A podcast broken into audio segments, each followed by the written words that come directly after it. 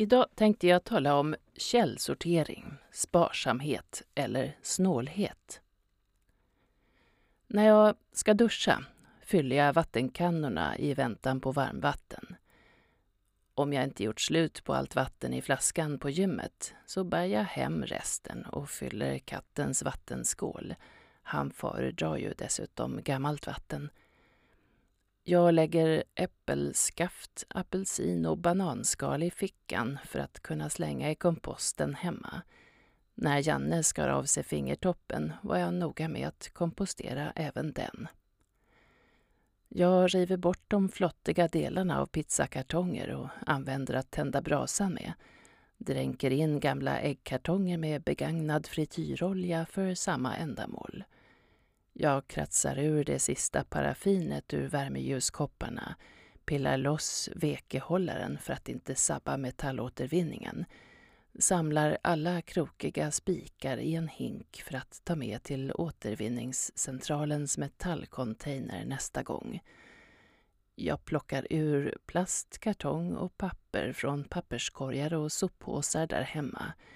Papper med blanka baksidor används för utskrifter. Och jag är stolt över hur sällan en påse med utsorterat restavfall fylls.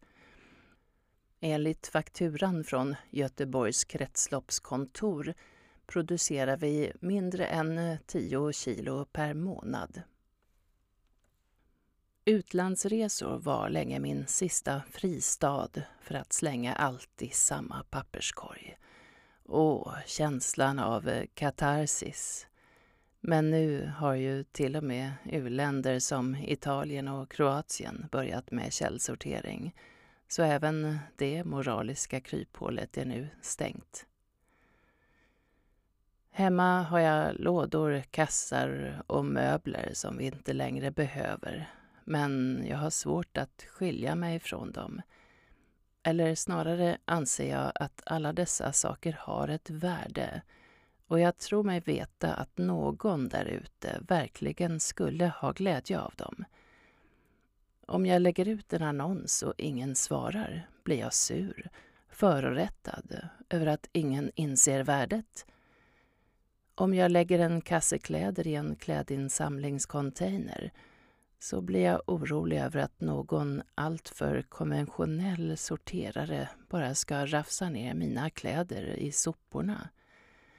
Jag förstår att de vet vad som går och inte, men samtidigt vet jag att det finns någon som verkligen skulle förstå att uppskatta just mina barns urvuxna, omsorgsfullt lagade kläder.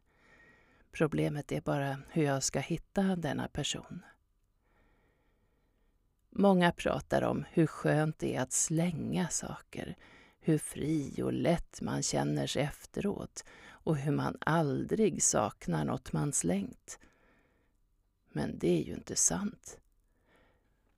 Jag grämer mig alltid över just det där som jag efter lång tids överväganden bestämt mig för att slänga.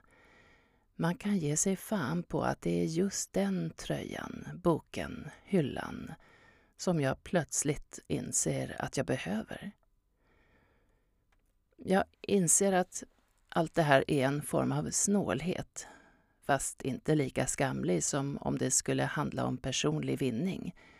När det gäller källsortering är det ju för naturresursernas, miljöns, världens, allas vår skull.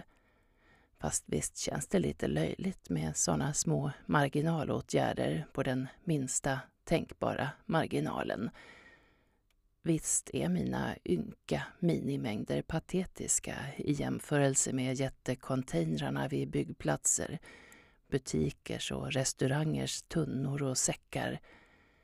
Men det är väl som med alla moraliskt färgade handlingar, att man, jag, känner mig behöva leva som jag lär, föregå med gott exempel, för att kunna sova gott och se mig i spegeln med rent mjöl i påsen. Frågan är i vilken riktning mindre extrema, eller rent av motvilliga, källsorterare påverkas av en förebild som jag. Kanske kan jag snarare bli ett löjligt motargument än miljöns Don Quijote. Det är så svårt att veta. Man måste själv bestämma sig, helst komma fram till ett val och stå fast vid det, utan att snegla på inbillade kritiker, men samtidigt inte utan att lyssna på relevanta och sakkunniga motargument. Ja, det där gäller förstås hela livet. Livet i allmänhet, sopsortering i synnerhet. Tack för mig.